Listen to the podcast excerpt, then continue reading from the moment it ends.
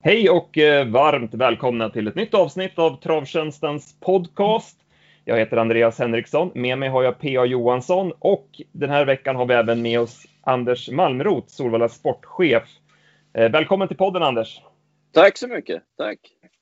Hur är läget med dig? Det är måndag förmiddag, ny arbetsvecka. Hur ser en måndag ut för dig? Eh, det är ju lite olika hur tävlingsveckan ser ut. Den här måndagen är det ju lite lugnare eh, här för mig på Solvalla. Det var ju tre tävlingsdagar förra veckan och då var det oerhört intensivt. Eh, så det är eh, lite grann att gå igenom efter de dagarna och sen planera inför onsdagen och sitter jag även och skriver proppar nu som ska vara klar under den här veckan för juni. Så att så långt fram i planeringsarbetet är jag. Mm. Hur är läget med dig då, PA?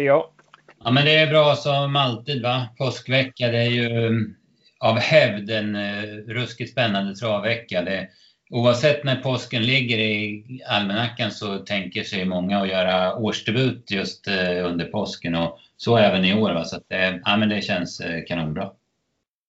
Vi har ett par tänkbara Elitloppshästar också som ska ut här i påsk, men mer om det senare. Eh, vi ska börja med veckans tävling. Förra veckans eh, tävling, där fick vi in rätt svar från Johan Westerling. Det var ju Island Life som vi sökte och Johan har därmed fått 300 krediter att köpa tips för på travtjänsten.se.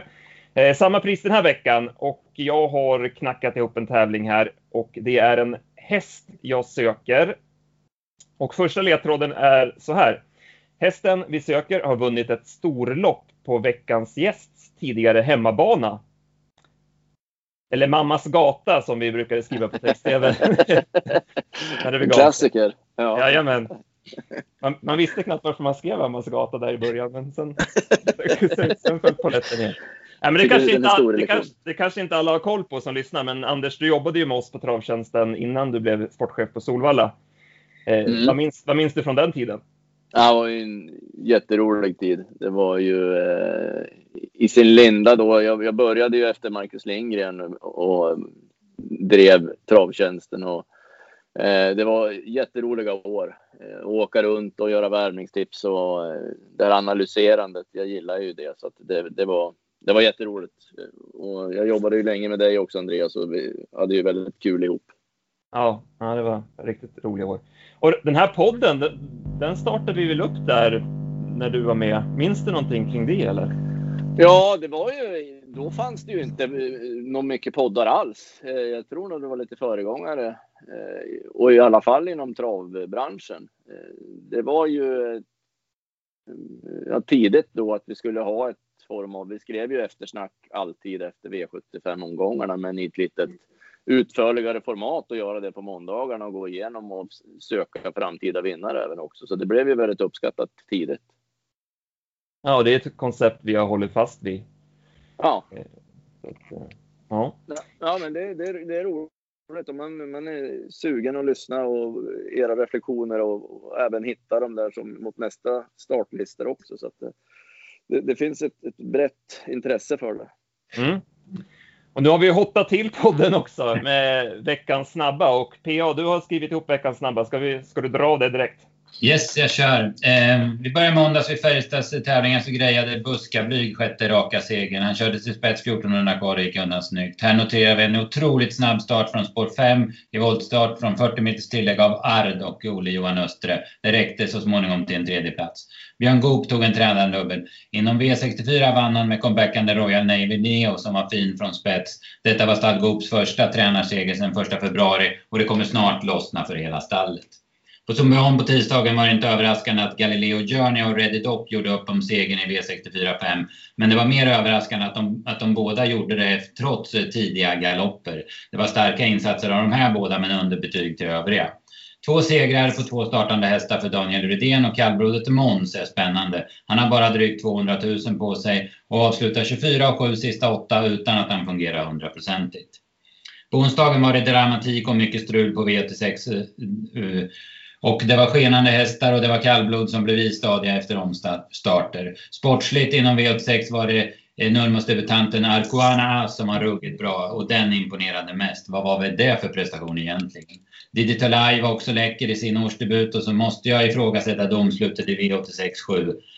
Kollegan Steve Delbros och Don Viking slog ett meriterande gäng på speed och Vikingen verkar bara bli bättre och bättre med åren. På torsdagen bjöds det bra sport på Åby. Först ut eh, på V64 var Easy Cash. Vi gick eh, stenhårt på honom i debuten för Berg i november, men då var han inte riktigt redo. Nu var han tillbaka på allvar. Spets direkt och sen gav han inte Demonima en chans. Han avslutade 8-8 sista 800 och satan i gatan vad fin han såg ut. Racing Mange vann sin årsdebut efter ett lopp utvändigt utan rygg och var fin. Och så är ju Laradja Breithout en riktigt fin häst. Eh, Solvalla hade hand om fredagens omgång som blev en favoritparad. Dubbel inom e V64 till Petri Salmela. Amorcer Levallo såg fin ut vid spetsvinsten. Cab såg också bra ut i sin årsdebut även om han inte sattes på några prov. Och så hade Certainly uppvisning för Jimmy Ehlers. På lördagen bjöds vi på många vassa prestationer inom V75. Men mer om det senare. Det vi kan konstatera redan nu är att det var svårt att ta något bakifrån. Bra sport även innan V75. In Case of Fire imponerade. Dear Friend vann problemfritt medan Konrad Rödlöv var seg. Och Marion Fautibon, I Love Her. Veckan avslutades sedan på Östersund där kollega Delbro åter firade framgångar, nu med Vilddonnan som var mycket bra efter ett offensivt upplägg. Esprit Sisu såg bra ut vid seger från spets i sin årsdebut. Norske Faxodin var riktigt fin vid karriärens första seger och så svarade Arizona Dream för en insats av det tapprare slaget. Mm, matigt. Vad säger du Anders? Har du några reflektioner? Ja, det var mycket där. Men eh, det var ju en händelserik vecka Eh, Racing Mange tittade jag mycket på i torsdags. Han såg ju ruskigt fin ut. Eh, så det var kul att se när man har tidigare Elitloppshästar i listan den här årstiden, hur de har övervintrat och hur de kommer tillbaka.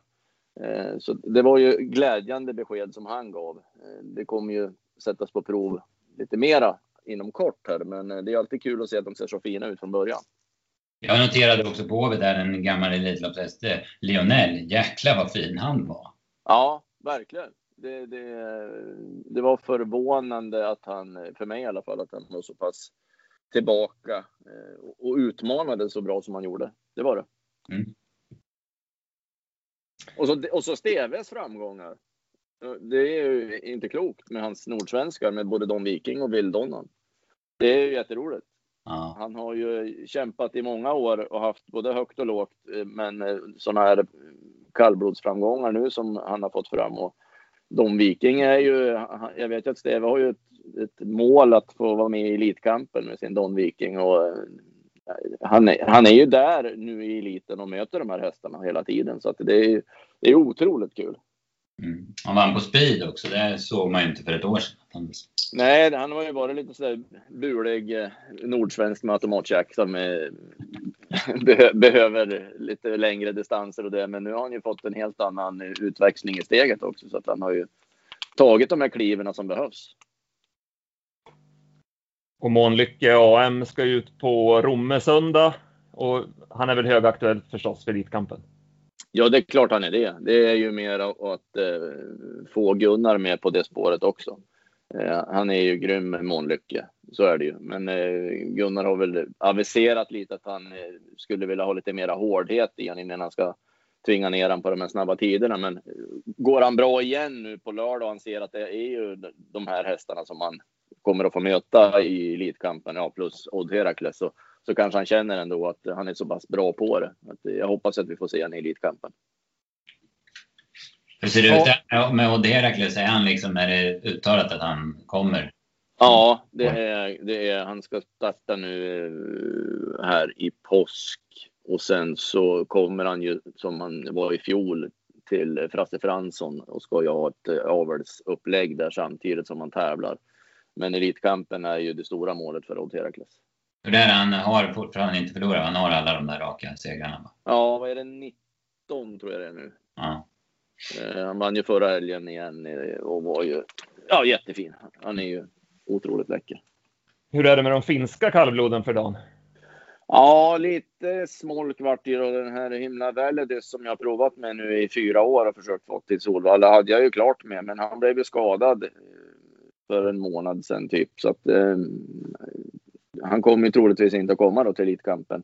Så vi får väl se hur det ser ut. Det, det finns ju en ny segermaskin. Han har vunnit 26 av 27 eh, i Finland och tjänat 3,5 eh, miljon som jag hoppas kanske kunna locka. Men annars, ja, eh, vi får se vad som händer med Finland och sen även hur coronaläget är. I fjol var det ju svårt för, för dem att resa. Eh, så då blev det ju ja, eh, Vixus som är här och, och Vixus som när han börjar starta och är hos Skatjamelko är ju eh, ja, den som finns inom räckhåll. Sen får vi se vad det blir ytterligare då. Ja. Jaha, ska vi gå på ledtråd eh, två i vår tävling? Eh, hästen vi söker har sprungit in knappa 10 miljoner kronor, men fick aldrig vinna det lopp som tränaren alltid drömt om att vinna. Börjar ni ha några gissningar? Ni ska inte säga det högt, men ni kanske tänker på någon? ja, jag förmodar att det här ska skickas in så att man inte ska... Exakt. Ja. Eh, nej, men vet ni svaret, tror ni er veta svaret så mejlar ni in kundtjänst.travtjänsten.se eller svara via våra sociala kanaler. Ska vi ta lite eftersnack från V75 då? Det var ju finaler i lördags på Solvalla. Anders, vad säger du om tävlingarna? Ja, det är ju en härlig tävlingsdag. Finalomgångarna är ju något visst med dem och, och särskilt nu när vi har varvat med Margaretas tidiga unghästserie också under hela dagen. Då blir ju så otroligt högkvalitativt och förväntansfullt för så många. Man känner det redan på förmiddagen när de börjar rulla in här att ja, idag är det något extra. Det är lite mera sammanbitet och det betyder lite mera för alla. Så det är, det är en eh, skön puls under dagen och sen eh, de här, det där treårsloppet till exempel, när du nämnde In Case of Fire. Det var ju lite grann av vårens kriterium. Det var ju grymma treåringar. Nu var det några som kanske underpresterade, men som han klev fram då In Case of Fire och visade att han tog ett steg till. Det, det, ja, det är jäkla roligt att få vara på plats och bevittna dem. Mm. Vi börjar med V75s första avdelning då. Här blev det eh, Per Ubu till ledningen och eh, han höll undan hela vägen. Det var ju maxat nu med jänkarvagn och eh, bike på och det var som du nämnde där i svepet PA att det var inte lätt att ta någonting bakifrån den här, den här dagen och han vann ja, men säkert från spets. Mm. Ja, precis. Han gjorde det bra och eh, gjorde väl en prestation som man hade förväntat ungefär. Och, sådär. Vi trodde ju mycket på Leon Zon. Jag var ju pappa till det draget och han gick väl också okej, okay, men eh, jag hade väntat mig lite mer av honom. Men sen visade det sig att det var ju smått omöjligt att ta något i spåren. Men ja, jag hade väntat mig lite mer av honom, måste jag säga. Trav, travar väl inte helt perfekt, va? Nej, han dras ju med de problemen ibland. Sen gick han ju med jänkarvagn, det var ju bara andra gången. Jag vet inte om det var en nackdel då han inte kunde stötta med några stänger eller sådär. Timo Lane kördes fram i döden som en galopperare i sista sväng. Cash Cowboy var ju jättebra som, som tvåa eh, i det här loppet. Sen eh, den stora snackisen efteråt, det blev ju det med LL Royal. Eh, Kaj Widell ryckte ju tussarna där och sen skenade hästen. Anders, du som var på plats och såg det hela, hur, vad säger du? Ja, hemskt. Alltså det, det, det som sker vid en olycka, det, det, går som inte, det går inte att sätta sig in i det förrän man är där och paniken som breder ut sig och vad kommer att ske och hur kommer hästen att reagera och vart tar han vägen och Eh, det, det, är ju så många eh, omständigheter kring allting sånt här. Så att eh, vi hade nu på morgonen här en genomgång också med alla stationer och ja, titta över vad som hände och kan man göra på något annat sätt eller ja, eh, är det någonstans vi måste se över hur det ser ut så att man är med på och, och förhindra som, saker som inte ska kunna hända sen. Eller är det en sån sak som alltid kan hända. Och, och, vi har ju med levande hästar att göra. Det går ju aldrig att hindra eller försäkra sig mot allting. Eh, så kommer det ju alltid att vara. Och nu det här med rycktussar och det är också hur långt kan man dra sådana saker? I vilka växlar ska man eh, pressa sina hästar till att göra? Eh, det här är ju sånt som kan inträffa då. Och, Eh, Eh, när eh, grinden då börjar gå igen, jag har läst att eh, grinden måste gå snabbare och allting sånt, men den problematiken kommer man ju alltid att ha. Det beror ju på var på banan hästen börjar att skena ifrån. Hade LL Royal börjat skena 100 meter tidigare, då hade vi hunnit stängt grinden. Eh, hade han börjat skena här vid Smedjan typ, då spelar det ju ingen roll vilken hastighet man har på grinden. Då kommer man ändå aldrig hinna stänga den. Så att eh, nu hann den inte stängas. Det fanns en liten lucka och då ser ju hästen det och vill ju springa hem. Lee sa det också att eh, han har det här i sig sedan tidigare. Han vill alltid springa hem så att han har tagit första eh, utvägen mot eh, sitt stall. Och det blev ju väldigt olyckligt då att en skötare fick ju då en smäll av vagnen när han smällde in här i vi har som en liten hage där man kan gå ut på banan. Och där fastnade ju LL Royal. Och i det här då så kom ju vagnen bakom slungandes och då var det så olyckligt att en skötare blev skadad av den.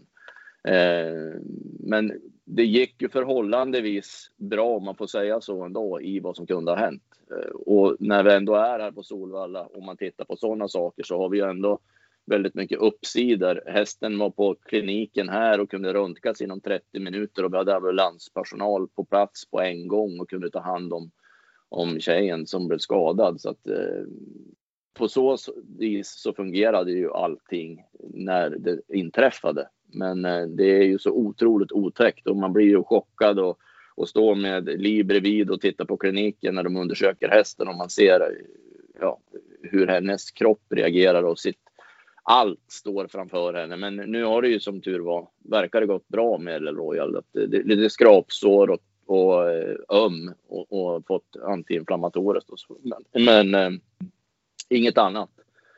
Eh, men det, det är omskakande. Jag hade svårt sen att fokusera på tävlingsdagen i övrigt. För det, det blir så mycket kring det och, och, paniken som sprider ut sig och det är så många runt det. Eh, så det, det lägger lite sordin på alltihopa, men tacknämligt ändå så gick det förhållandevis bra. Mm.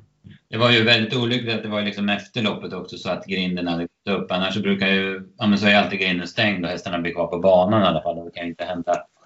Eh. Nej, och det, och det är ju sådana där saker som man funderar över. Ska vi ha grinden stängd tills alla hästar som har tävlat är av? Eh, men då, vi har ju samtidigt en, en tävlingsdag med ett flöde så att när de har gått i mål så vill ju nästa hästar ut och värma. Så det är ju så, då går ju grinden upp och så släpper man ju in nya hästar som får värma. Eh, så det, det, är ju väldigt olyckligt som du säger när det händer så där strax efter att de har gått i mål. För det är ju när det är som mest hästar på banan. Nu hann ju de flesta vända tillbaka där, men eh, det är om man ska se över ett annat eh, förfarande kring det. Men Eh, tränarna, det är ju tajt och de ska hinna värma mellan loppen och det blir ju förskjutningar då eller att de tappar två minuter värmningstid. Så att, eh, eh, sådana delar diskuterar vi givetvis. Vi får se om det slutar i någonting eller om det här blir eh, ja, en, en sån sak som kan inträffa. Jag har inte varit med om det just en sån här nu på tre och ett halvt år som jag varit på Solvalla, men eh, eh, det är ju en del i, i varför det är så trist när det händer just efter mål. Mm. En incident i onsdags också där med, med vet du, Linda Sonna. Ja, det är ju det som är så att det kommer eh, ingenting och sen kommer två sådana här samma vecka. Eh, att tömmen då, högertömmen då inte var korrekt isatt utan att den släppte ju då när Ulf var på väg upp mot bilen. Det är ju, där också hur ja, man vet inte hur hästen ska reagera. Han har ingen högertöm. För går vänstertömmen han har högertömmen så kan han ju bara dra ut hästen mot staketet och på något vis försöka få stopp i alla fall. Men här är han ju helt eh, i hästens våld. Drar den till vänster så vet man inte vad som kan hända för det är ju alla möjliga saker på inneplan. Eh, men som tur var så han var ju oerhört cool i situationen, Ulf. Eh, och väntade ut och lät den ju. Och säkerhetsspåret som är byggt nu på alla banor, det var ju guld värt. Det räddade ju hela situationen nu, för de kunde ju hela tiden galoppera eller skena på, in, på säkerhetsspåret.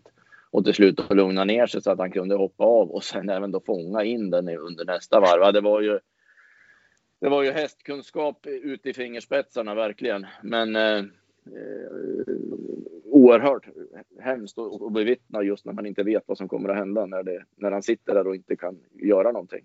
Nej, just när de drar iväg och sen hon är där nere på det där säkerhetsspåret som, som du säger att springer hon in på innerplan då kan ju vad som helst hända. Ja, hon hade ju fått upp farten bakom bilen också så det går ju så fort så han kan ju, han kan ju inte riktigt eh, hoppa då heller. Eh, för det går för fort. Det är ju 52-53 kilometer i timmen. Du vet ju att du bryter någonting om du ska av i den farten.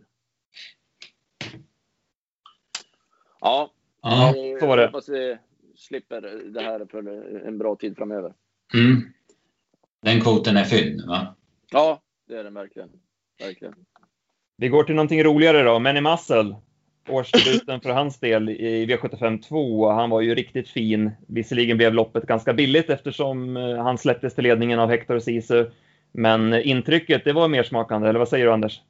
Ja, otroligt bra. Jag hade ju sett honom i ett snabbjobb här där han såg jättefin ut innan, men eh, när de då går i ja, 17-18 fart och sen vet man att de måste gå en mellan 13, 13 och halv eller någonting direkt. Om de är mogna för det eller inte, det är ju svårt att bedöma, men han såg eh, otroligt fin ut och det är ju en kanon. Så är det ju bara. Det var ju tråkigt för, för eh, hästens del att han floppade i, kriteriet, men eh, han fick ju lite pengar på slutet där och i Breeders Crown, men eh, det, det är ju en kulltopp, det är det ju helt klart. Mm. Mr McCann kördes fram utvändigt, ledaren varvet kvar. Han är trea i mål. Hector Sisu gör ju en bra årsdebut också som tvåa. Eh, vad säger du PA? Var det någon, någon du tog med dig härifrån? Det var ju Fade to Black var ju väldigt positiv och sen gick ju i minst sagt i skymundan så gick ju Furious Rain jättefort då. Men däremot så var jag ju besviken på Sidney Solever. Jag trodde väl inte han skulle vinna det loppet men jag trodde att han skulle göra en väldigt bra prestation. Så att han, han såg ju stark ut en bit men så tröttnade han ju helt. Då, så, det, så det var ju lite tråkigt då. Men sen måste jag ju skriva under det och angående Manny Muscle. Jag menar, han såg ut som en trimmad bodybuilder. Alltså vilket, vilket paket hästen är. Mm. Ja, verkligen. V753 då, här fick vi äntligen lite betalt på vår följehäst Mandela Zon som vi ju gillar skarpt och eh, nu fick han utdelning. Eh, Pacific Kingdom tog ledningen, svarade ut Seolit som kröp ner bakom. Sen så eh, fick ju Mandela Zon, eh, han fick väl andra par utvändigt efter en bit. Och, men eh, ja, han avgjorde på snyggt vis. Eller Vad säger du Pia? Ja, han såg ju, han fick, gick i dödens kan man säga ett varv då innan Lucky Track gick fram. Men han såg inte jätteaktuell ut i sista sväng. Men, men han har ju visat att han liksom tänder om när han kommer in på rakan. Och han slog sig förbi precis på linjen då. Det var, det var väldigt bra prestation och det var ju som man såg på förhand ett väldigt bra lopp det här också. Alltså. Pacific Kingdom var ju, vi var ju lite inne på att han skulle kunna hålla upp spets med Jeppsons hjälp och det han har visat tidigare. Så att, eh, sen höll ju han till precis kort före mål. Sen måste jag säga att Kondior, den hoppar ju i mål som, galopperar i mål som trea men den gör ju ett fantastiskt lopp för den går ju först i tredje spår och drar fram då. Han är ju faktiskt med i matchen till, ja men strax innan han galopperar och man inser att han är slagen. Mm. Bakom så tog jag med mig Juvaraj. Jag tyckte den, han spurtade bra. Han hamnade ju bakom Harvard Student där i tredje spår runt sista sväng och fick ju vrida på i fjärde. Men han går underkant eh, 10 sista 800. Och eftersom han tjänade, var det 22 000 tror jag, som, som femma så står han ju perfekt inne i klassen eh, Mm. nästa gång. Så det kanske kan vara en nästa gångare. Ja precis. Hade Seolit, du, ja, hade du något intryck, eh, Anders, från det här loppet? Nej, jag har ju Pajen är på väg mot eh, Zeolit. Det, det är ju, han är ju värd att få vinna ett V75-lopp för han är, han är väldigt bra. Eh, nu var det inte så mycket att göra. Eh, han kommer ju inte till ledningen och han får ju den positionen han har. Sen kommer han ju aldrig loss. Så att, eh, Zeolit ser ut när han värmer och så som att det skulle kunna vara riktigt bra, men han har inte fått någon utdelning alls på slutet här. Nej, Det var bra för honom att få ett lite snällare lopp den här gången, tror jag. Han har ju fått Ja. tuffa lopp. Mm. Så kan det absolut vara. Men jag tror att det är i någon annat lopp än i en final man vill sitta fast. Mm, så är det ju, givetvis. Jaha, eh, sto, eh, diamantstoet då, Titon Sweet Lindy. Eh, också lite grann av en eh, följehäst för oss. Nu tog hon andra raka och det såg inte ut som att hon skulle vinna i sista sväng, men Marcus Svedberg, han eh, skötte det där snyggt och höll henne i trav och sen när han ryckte norska där på upploppet så ja, men avgjorde hon ganska enkelt. ja det var ju ett jäkla tryck igen över upploppet. Alltså, hon, hon är ju, jag hade under 10 sista åtta på henne så att hon, den måste man ju ta på allvar helt klart för hon är, hon är riktigt bra. Eh, Georgia Am till ledningen och så Kolmi Brodda fram utvändigt varvet kvar. Eh, Kolmi Brodda gör ju ett jättebra lopp. Såg ju klar ut, men åkte dit sista biten då. Det var ju din vinnare Anders såg jag efteråt i de här 50 på V75. Ja, men jag gillar, jag gillar henne och så pratar jag ju ofta med, med Stefan Persson och så också. Han, han var också väldigt inne då på att hon skulle vara väldigt bra och att eh, eh, barfota skulle få en kick till och att med springspårets hjälp då hamna där framme och att de skulle slå starthästarna, det trodde jag nog. Men Sen eh, vart de hamnade bak, eh, ja, det, det, var svårt att veta. Men nu fick hon ju stryka Titon Sweet Linde. Och, eh, men Kolmen Brodda var ju grymt bra. Men jag må ju verkligen plussa för Marcus Svedbergs eh, kyla runt sista sväng när han inte alls har henne med sig i travet ut och inte förivra sig då. Det blir en 15-20 meter fram till de här två första och ändå sitta lugn och vänta ut rakan och, och dra norsken 100 kvar där. Så det var, det var väldigt snyggt skött eh, i, i tömmarna av Svedberg. Det var det. Ja, jag håller med. Jag, kan, jag pratade med Örjan efteråt bara för att fråga den UltraBright. Jag tappade henne lite grann, men jag eh, var på backen. Ja, så det är inte lätt. Jag körde 11 och 6 sista 2000 och var helt chanslös. Eh, jag tror världsrekordet ligger på 11 och 9 eller någonting sånt. 21 eh, 40 eh, volt. Så det, han, eh, det var en rätt svår uppgift för UltraBright. Ja, det, det var ju känslan på förhand också att, att det skulle bli tufft den här gången. Eh, V75 5 då. Här trodde jag nog att Claes Sjöström hade förlorat loppet när han inte släppte förbi Remarkable Feet från start eh, för att sen då kanske kunna köra till och överta. Eh, då blev det lite solfjäder, Remarkable hoppade och Ubiquarian Face lyckades hålla upp ledningen så att det blev Ubiquarian i spets och Global Undecided i dödens. Eh, ganska snabb öppning, underkant 8, första 500 ropar de ut. Eh, ändå såg väl Ubiquarian ut som vinnaren innan han galopperade i sista kurvan. Anders, stod du där i sista sväng och såg loppet eller? Ja, det var bara som att han snubblade till när han skulle köra iväg. Eh, Adrian var ju helt inne på att han hade det i sin hand att han inte hade torskat det där loppet utan galopp. Men eh, konstig galopp. Mm. Mm. Jag noterar han ryckte ju tussarna och som du säger ryckte undan från fältet eh, strax innan då. Eh, det var kanske att testen ville för mycket samtidigt som han var lite trött, jag vet inte. Men det, det ser ut som han snubblar. Och jag vill också inne på att han vinner loppet. Men man vet ju inte. Global Undecided är ju makalös att hålla farten. Sen var ju det, ja men det var ju en, det var ju otroligt att det var just han som vann som han såg ut innan loppet då. Men men så fick man på de här bootsen, då var det en, en ny häst. Det är ju faktiskt fascinerande. Mm. Bakom då Mr Perfection återigen gör ju ett bra lopp. Han är som en sedelpress på V75. Han är tvåa och sen Rally-Hans går ju bra som trea och han skulle väl ut, var det på Romme?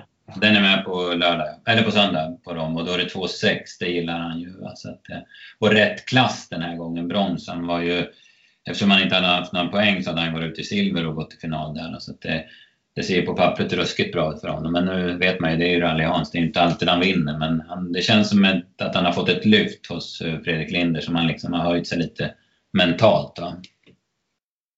Annars var det ett galoppfyllt lopp. Eh, Malkin till exempel galopperade ju. Den, den känner ju du väl sedan tidigare Anders eftersom du varit delägare. Mm. Ja, det följer jag ju alltid när Malkin startar. Underbar häst så, men det blev tyvärr galopp i lördags. Men han kommer igen. Beartime hoppar ju i en konstig situation där också. Typ 250 kvar när han hade hittat ut. Så det, var ingen, det blev ingen som blev sjua så att de fick dela ut eh, alla sjuor på top 7 om jag fattar det rätt. Vi går vidare till V75 6 då, bronsfinalen och eh, det blev Sweetman från eh, start till mål. Han höll undan för Oxidizer. Vad säger du här Pajen? Ja, eh, det var ju, han hade ju en ruskigt bra uppgift eh, tack vare att han är så snabb ut och hade innerspår och inga startraketer utanför sig då. Och sen så, så körde ju Erik, ja men han tog upp han runt sista sväng som det såg ut och körde lite mot Winnight och då blev han ju, som, som man brukar, lite seg sista biten så det vart ju lite halvhårt då i mål.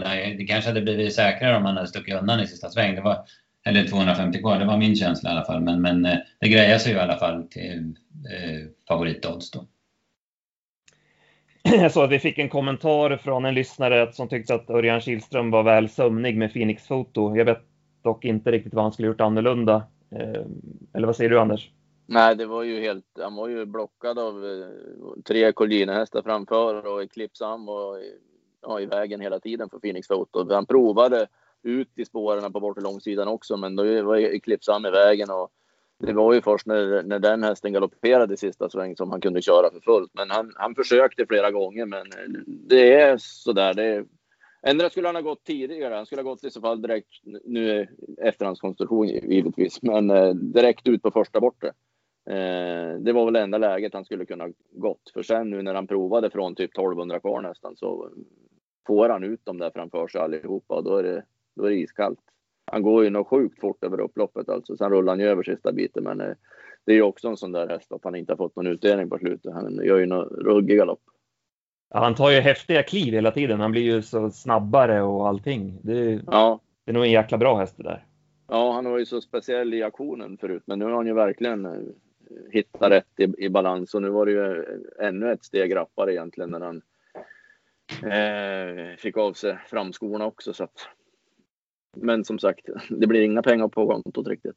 Nej. Nio, nio blank sista åtta hade jag på honom, så det är som du säger, han gör ju ruskigt bra. Sen är det... Om de övriga då, Pia? Ja, det är ju... Racing Rib gick ju jättebra. Den, den var ju positiv från lite fel läge och sådär. Men han gick ju fort till slut och sen gör ju också Dice rätt bra lopp. Han, han eh, ger sig ju inte utan han går ju, han ser ju helt slagen ut eh, in på upploppet men, men kommer tillbaka och är inte långt efter.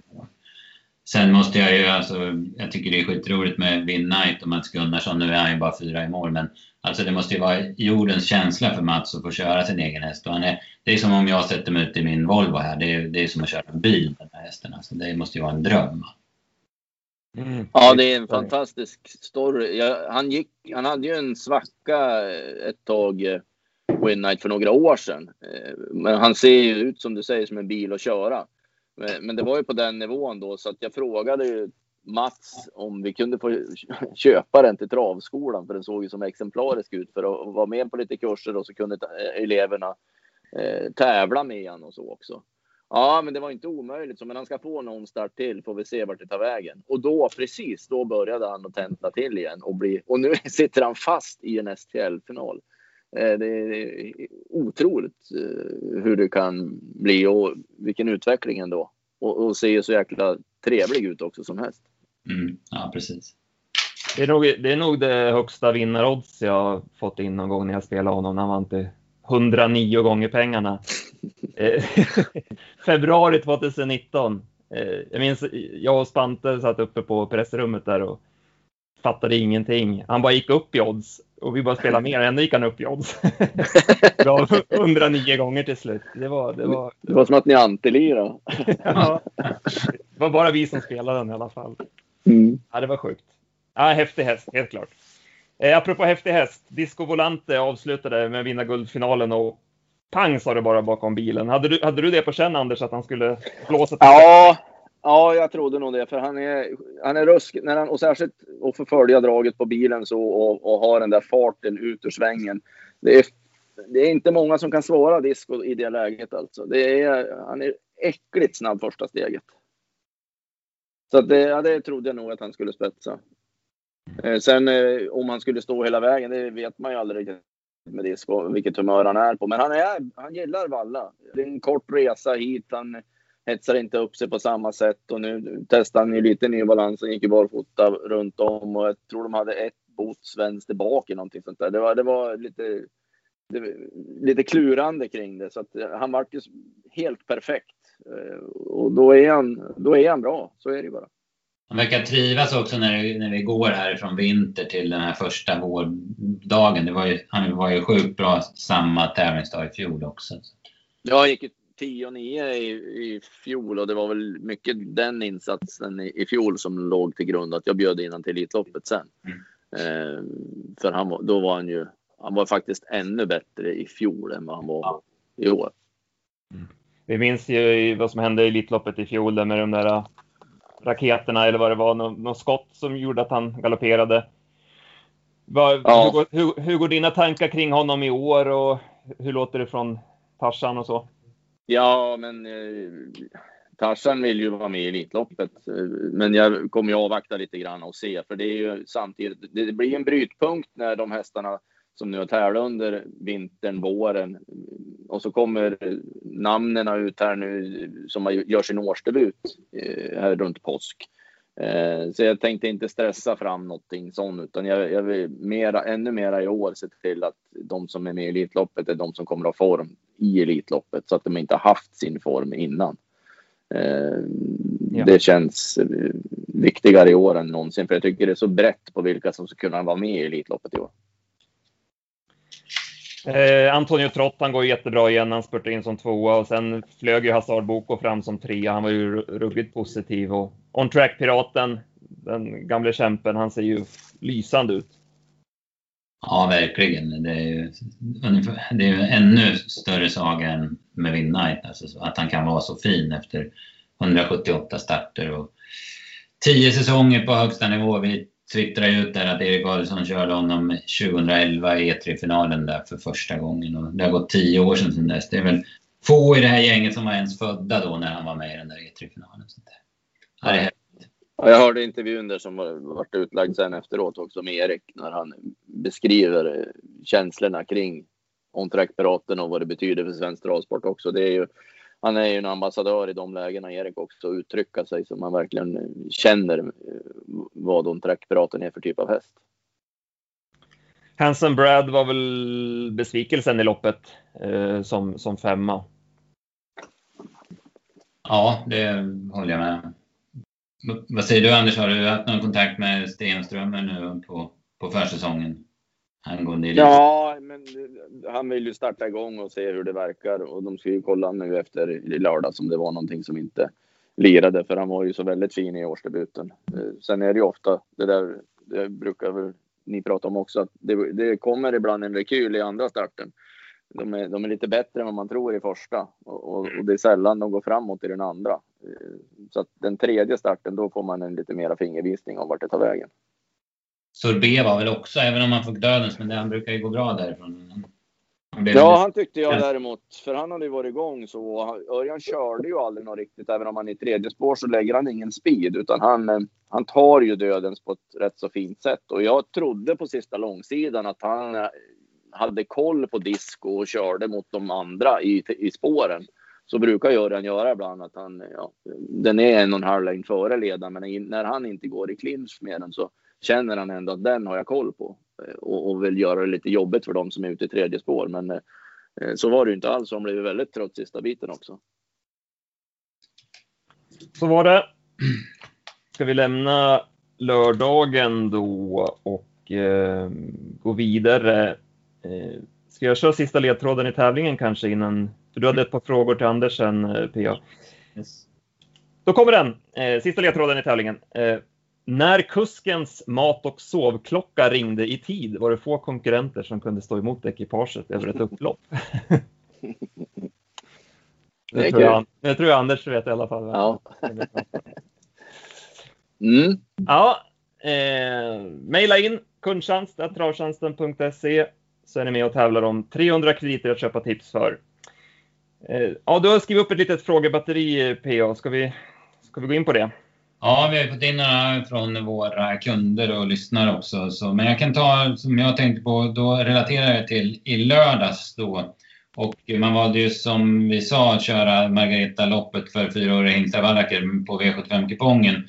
Eh, eh, och flyttade ut eh, diamant, eller vad heter det, stoeliten då utanför Det var ju bara åtta hästar med där. Men Anders, vad, hur, hur är du med som sportchef på Solvalla med i den processen? Eller är det bara ATG som tar det här beslutet? Eller?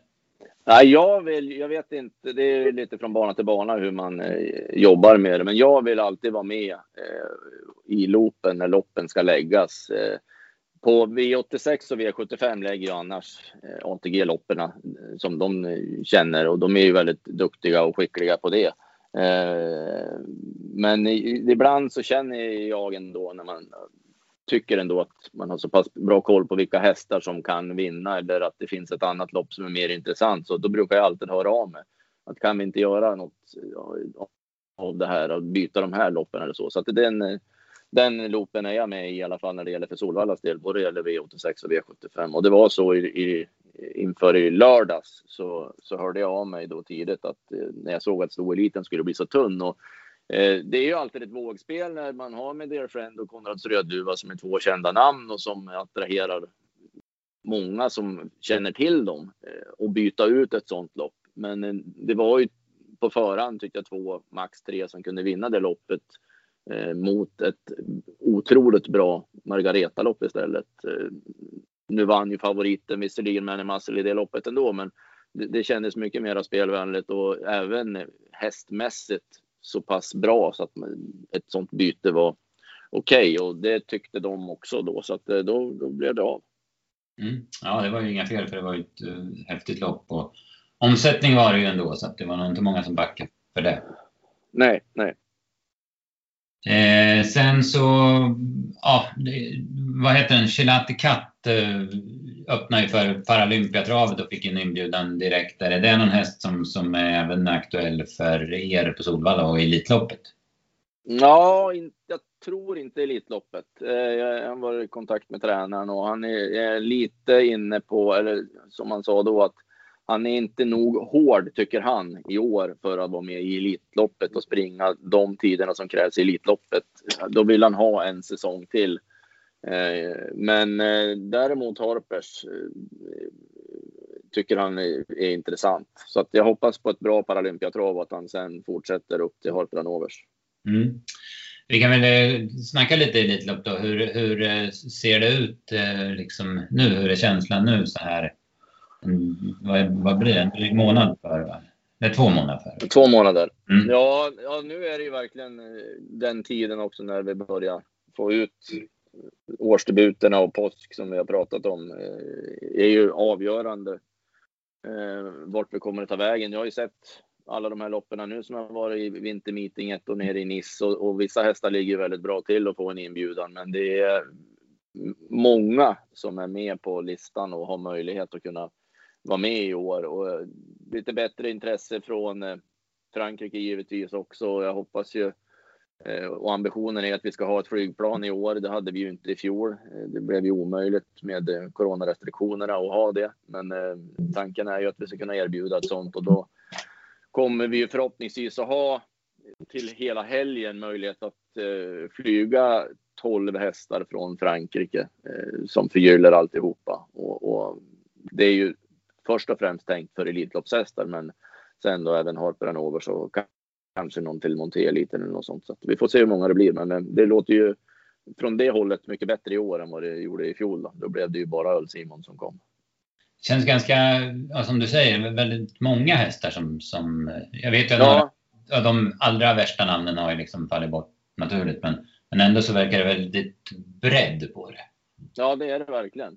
Eh, det är, och vi har ju så väldigt bra femåringar Eh, då får vi se vart Robert väljer att gå ut med Hail Mary. Han ska gå jobb, eh, sista snabbjobbet om, idag eller imorgon. Jag pratade med honom i lördags. Han var på väg upp då till, han körde i Östersund igår och så vart det blir Sundsvall nu då. Så att idag eller imorgon går ju Hail Mary sista snabbjobbet och sen tar ju han sikte i propphäftet. Eh, det var ju ett femårslopp på Åby Paralympiadagen, eh, Lyons lopp där som ja, det låter som man ska starta i med Hail Mary, men ett lopp innan det och sen känna hur spänsten är i hästen. Om det är dags i år eller om man vill vänta ett år. Men eh, ett hos Kronos och, och så givetvis eh, Ecuride. Så det, det, finns ju en oerhörd kvalitet i dem. Och sen får vi se Don Fanucci sett på långfredagen. Eh, men eh, i övrigt också. Jag, från Finland så har det ju gillar jag verkligen den här Le Gros Bill. Eh, pratat om han i olika sammanhang. Men Eh, ett nytt namn och jag gillar ju att kunna få en liten extra krydda till Elitloppet där de inte har mötts så mycket och man kan få de bästa från varje land. Eh, det tycker jag det bygger lite grann på att intresset blir brett och stort. Eh, och Lugros Bill har ju inte varit här. Han var trea i Finlandia i fjol och har vunnit två lopp nu som han har startat. Och han vann i lördags i Tammerfors. Och visserligen i ganska enkelt gäng, men han ser jättefin ut och han är startsnabb och det. Så att, sådana hästar är jag ju intresserad av. Och det finns några sådana som, som dyker upp och som fortfarande kan dyka upp. Mm. Hur eh, går snacket kring Vivid Vaisas? Ja, han är ju på väg upp. Han ska ju Eh, han ska ju siktas mot Prix Atlantic i slutet på april. Eh, men han ligger ju givetvis jättebra till. Jag har inte bjudit in någon häst än, men han, han är ju högt på listan givetvis efter det han ja, först gjorde på Vincennes och sen vann i Nice. Och, ja, han har ju Elitloppskvalitet. Mm, tveklöst. Någonting annat Andreas, det var lite om publik och de restaurangen och de bitarna. Eh, ja, vi fick in några lyssnarfrågor. En, en lyssnarfråga var om, om Cockstyle är aktuell. Ja, han är ju skadad. Eh, så att förmodligen så kommer han inte att, att hinna. Det är ju titelförsvararen och ja, han, han har ju, det är inte utskrivet så, men det är ju per praktik så att är han i, i någorlunda ordning och så, så har ju titelförsvararen en plats nästa år. Men eh, det låter inte som att han kommer att vara stridsduglig till Elitloppet. Nej. Eh, Manchego? Ja, hoppas jag på. Eh, Nancy är intresserad. Ska kvala i, här i, i, mitten på april. Sen är det ju hur det löser sig med möjligheter att resa. Vad som passar i hennes schema och hur det fungerar med hon, hon går direkt ut i Elitloppet och hon går in, inget lopp innan eller? Nej, det kan vara ett i början på maj eh, i så fall. Eh, men eh, ett, en ett kvallopp och en start och sen i så fall Elitloppet. Mm. Eh, men det är detaljer kring resan som det sitter i. Har du någon kontakt med Nurmos kring Seismic Wave? Det var väl snack redan i fjol om att han kunde vara aktuell? Ja, han tränar eh, jättebra. Men jag vet däremot inte när han har tänkt att ta ut honom. Eh, han har inte sagt något till mig om något specifikt datum, men han har varit igång här i vinter och tränat jättebra. Och, eh, eh, han är givetvis en sån, när han var bra i fjol och, så såg vi och snacket kom ju upp då också om att han var väl lite grann bubblare till Elitloppet i fjol. Eh, men eh, sen floppade han ju i jubileumspokalen och, och fick ju problem sen. Så det, men det är en väldigt bra häst och han är ju både startsnabb och tål ju hård fart så länge så att han skulle kunna göra sig gällande där. Nej, spännande. Det är som du säger många, många namn som ska ut här så vi får, vi får väl ta en uppföljning när det, när det närmar sig eh, vilka som är aktuella. Eh, hur, hur, är det med de här kvalificeringsloppen? Det är ju med The Roads lopp och Gävle. Är det något fin mer? Finland, ja, Finlandiajo och Paralympiatravet. Vinnaren i Paralympiatravet går ju direkt och sen även då vinnaren i Finlandiajo. Och sen har vi med då Roads lopp den 12 maj eh, som vi hade i fjol. Att vinnaren där är direkt kvalificerad och så Gävle då veckan eh, innan Elitloppet. Så det är de fyra Mm. Hur, hur känner du kring det? Är det? Själv kan man tycka eh, att det kanske är något lopp för mycket, men... Ja, vi har ju ett avtal som, som gör gällande att vi ska ju ha två lopp med ATG som eh, heter Vägen till Elitloppet. Eh, så det, det är som det är. Eh, det, är ju, det var ju, men jag flyttade ju det då när jag började från Algot Scotts lopp som var tidigare till Paralympiatravet. För det blir oftast så är det ju så, den som vinner Paralympiatravet, ja då är man ju så bra givetvis att då är man ju en Elitloppshäst. Eh, Algot Scotts lopp höll inte riktigt den kvaliteten och man riskerade att få någon som man inte ville ha via Open Stretch och den tanken gillade jag inte alls. Så därav så blev det ett byte då till Olympiatravet som nu heter Paralympia. Eh, Finlandia Ajo eh, har jag ju själv. Det väljer vi som vi vill, om vi vill ha eller inte. Men det är samtidigt ett väldigt bra samarbete vi har med Finland och ett normalt år så har vi ju väldigt mycket besökare ifrån Finland. Och man knyter ju intresset på ett helt annat sätt då genom att ha deras vinnare från deras största lopp med här under Elitloppshelgen. Så att, eh, det, är ju, det är ett samarbete som vi har. Ja. Eh, jo, lite lyssnarfrågor då. Eh, det mest, de flesta frågorna det handlar ju om det här med publikfrågan. När, mm. när tror ni att restaurangerna kan öppna upp? Kan det bli publik i Elitloppet? Ja, det, det, är ju, det är ju omöjligt att svara på. Eh, som det verkar just nu så är det ju ganska långsökt för smittspridningssiffrorna i vår region är ju inte så muntert att läsa. Eh, vad gäller restaurangerna på travbanorna så är det taget ett beslut med alla banor och Svensk Travsport så att vi har ju inga restauranger öppna fram till påsk. Sen ska det tas nya beslut och om det finns andra möjligheter till att öppna upp eh, en del eh, under tävlingar. Jag tror att det är mer dit vi, vi får hoppas på att vi kan ha kanske någon form av restaurangverksamhet öppen. Eh, det öppnades ju upp där eh, för någon vecka sedan, månad, när Amanda Lind hade en uttalande då om att man skulle se över en, en, trappa i hur man skulle kunna släppa in folk och det kändes, och det är ju lite grann som vi hoppas på också, att man får en procent på arenans kapacitet att släppa in. Att säga att vi skulle kunna få ta in 10 procent av våran yta, eller ja, vi har ju möjlighet att ta in 30 000, men att 10 procent av den skulle kunna vara här med fasta platser och stolar ute och, och sådana saker. Eh, men eh, den släcktes ju ganska snabbt då av Tegnell dagen efter det uttalandet hon hade där. Så att det, det är spekulationer eh, just nu och sen vill ju de flesta Eh, epidemiologer och experter avvakta påsken och loven och se vad som händer efter det innan det kommer nya besked. Men eh, så att om jag ska säga någonting just nu så tror jag det är långsökt att tro att det är publik ute, men möjligtvis att vi kanske kan få möjlighet att ha en viss form av restaurangverksamhet. Mm. Sen var det, fick vi en, en, in en fråga här från Patrik Johansson om det finns planer för att sälja Solvalla och bygga nytt. Eh, ja, det är ju eh, på gång marken ovanför oss här är ju såld eh, till ett fastighetsbolag. Så att det kommer ju att hända någonting.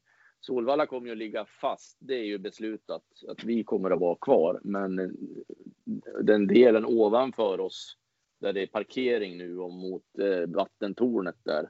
Där kommer det ju att bli ett bostadsområde med skolor och sånt. Men eh, det, det är eh, eh, olika nämnder och jag är inte med där utan det är Jörgen Forsberg som våran VD som sköter allt vad gäller med staden och det ska ju till en detaljplan först då innan det börjar ramla in och pengar till Solvalla. Men när väl det är gjort så kommer det ju att komma in pengar till Solvalla och då har vi ju en fundering på att eh, bygga om här. Eh, kanske förlänga banan lite grann eller ja, vad som bör göras. Ska alla byggnader vara kvar som de är nu eller ska man rensa och, och se till att man har evenemangslokaler vid större tävlingar och sånt. Men det är, det är eh, år som det, vi pratar, men eh, det finns ju en... Det, det, det är gjort i alla fall, det första taget där. Och sen får vi se vad det slutar i, men vi ser ju pengar att, som kommer att komma in.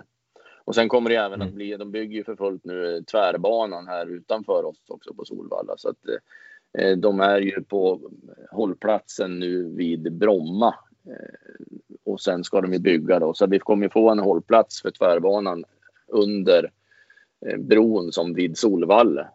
Där kommer det att bli en kommunal avstigningsplats där, så det blir ju jättebra. Som fortsätter sen upp till Rissne och den går ju då från centralen så att det, kommer att bli ett väldigt lyft. Ja, verkligen. Ja, precis. Ja, det var väl de frågor vi hade. Ska mm. vi börja runda, PA? Ja, det tycker jag. Eh, vi kan väl säga det att det är ju som vanligt väldigt eh, spännande tävlingar. V86 eh, Åby, Valla på onsdag och sen är det V75 torsdag, fredag, lördag, söndag. GS75 måndag så det, det, är mycket, mycket roligt trav framöver. V86 6 där måste vi stanna till vid. Eh, med Viking Brodde, Summit Insight, Stickleback Face, Ultion Face. Det var ett ruggigt lopp, Anders. Ja, det, ja häftigt. Otroligt kul. Eh, vilka jäkla hästar. Eh, ja. Vem vinner? Lyssnarna, lyssnarna vill ha en klar. ja, jag är ju... Det är klart hur Summit Insight var när, när han var bra. Men eh, intrycket på Speckleback Face eh, snacket på Robert inför Åby och sen som han såg ut på Eskilstuna. Ja, jag säger Speckelback Face som jag ska säga mest. Mm. Ja, jag köper det. Vi var ju inne på honom redan senast och mm. Fick ja, ju betalt. Jag var ju där och såg han, han såg ju makalös ut. Samtidigt så var, såg jag Summit Insight när han vann i Örebro med galopp och den avslutningen, den skojar man inte med heller.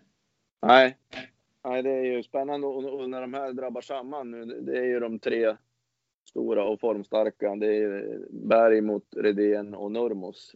Så att det är, jag hoppas att det blir körning därefter också så vi får valuta för pengarna. Viking Brodde som kommer ut direkt också, vi vet vad han kan göra. Alltså, tror jag det kommer att bli ett jäkla bra lopp. Och Collini givetvis som också med i bilden. Så att det är en jävla härlig mix i det. Det är ju ett V75-lopp alla gånger. Absolut. Who's Who startar ju, gör ju årsdebut på Romme på söndag. Vad är, finns det någon snack där inför om eller Elitloppet? Ja, han får väl visa vart, eh, ja, vart han står. Eh, han gick ju 13,5 1600 här i måndags här inne på Valla och såg jättefin ut då. Eh, jobben han har gått två innan och då har han ju gått med öppet huvudlag och inte så riktigt. Men i måndags tryckte ju Passe på knappen och, och satte på skygglapparna och det och då var det ju verkligen tryck i han. Så att det var kul att se han på det sättet. Så det blir väldigt spännande att se eh, vad, vad, han har för leverans på nu till helgen. Men det är klart att eh, Hosu har, har eh, kvaliteterna om han, när han är bra för att vara med i båda de loppen du nämnde. Låter bra. Jättebra. Stort tack Anders för att du var med oss. Fint. Det är lugnt. Tack själva. Tack till er som har lyssnat så hörs vi igen nästa måndag. Ha det bra. Hej hej. Tack, hej.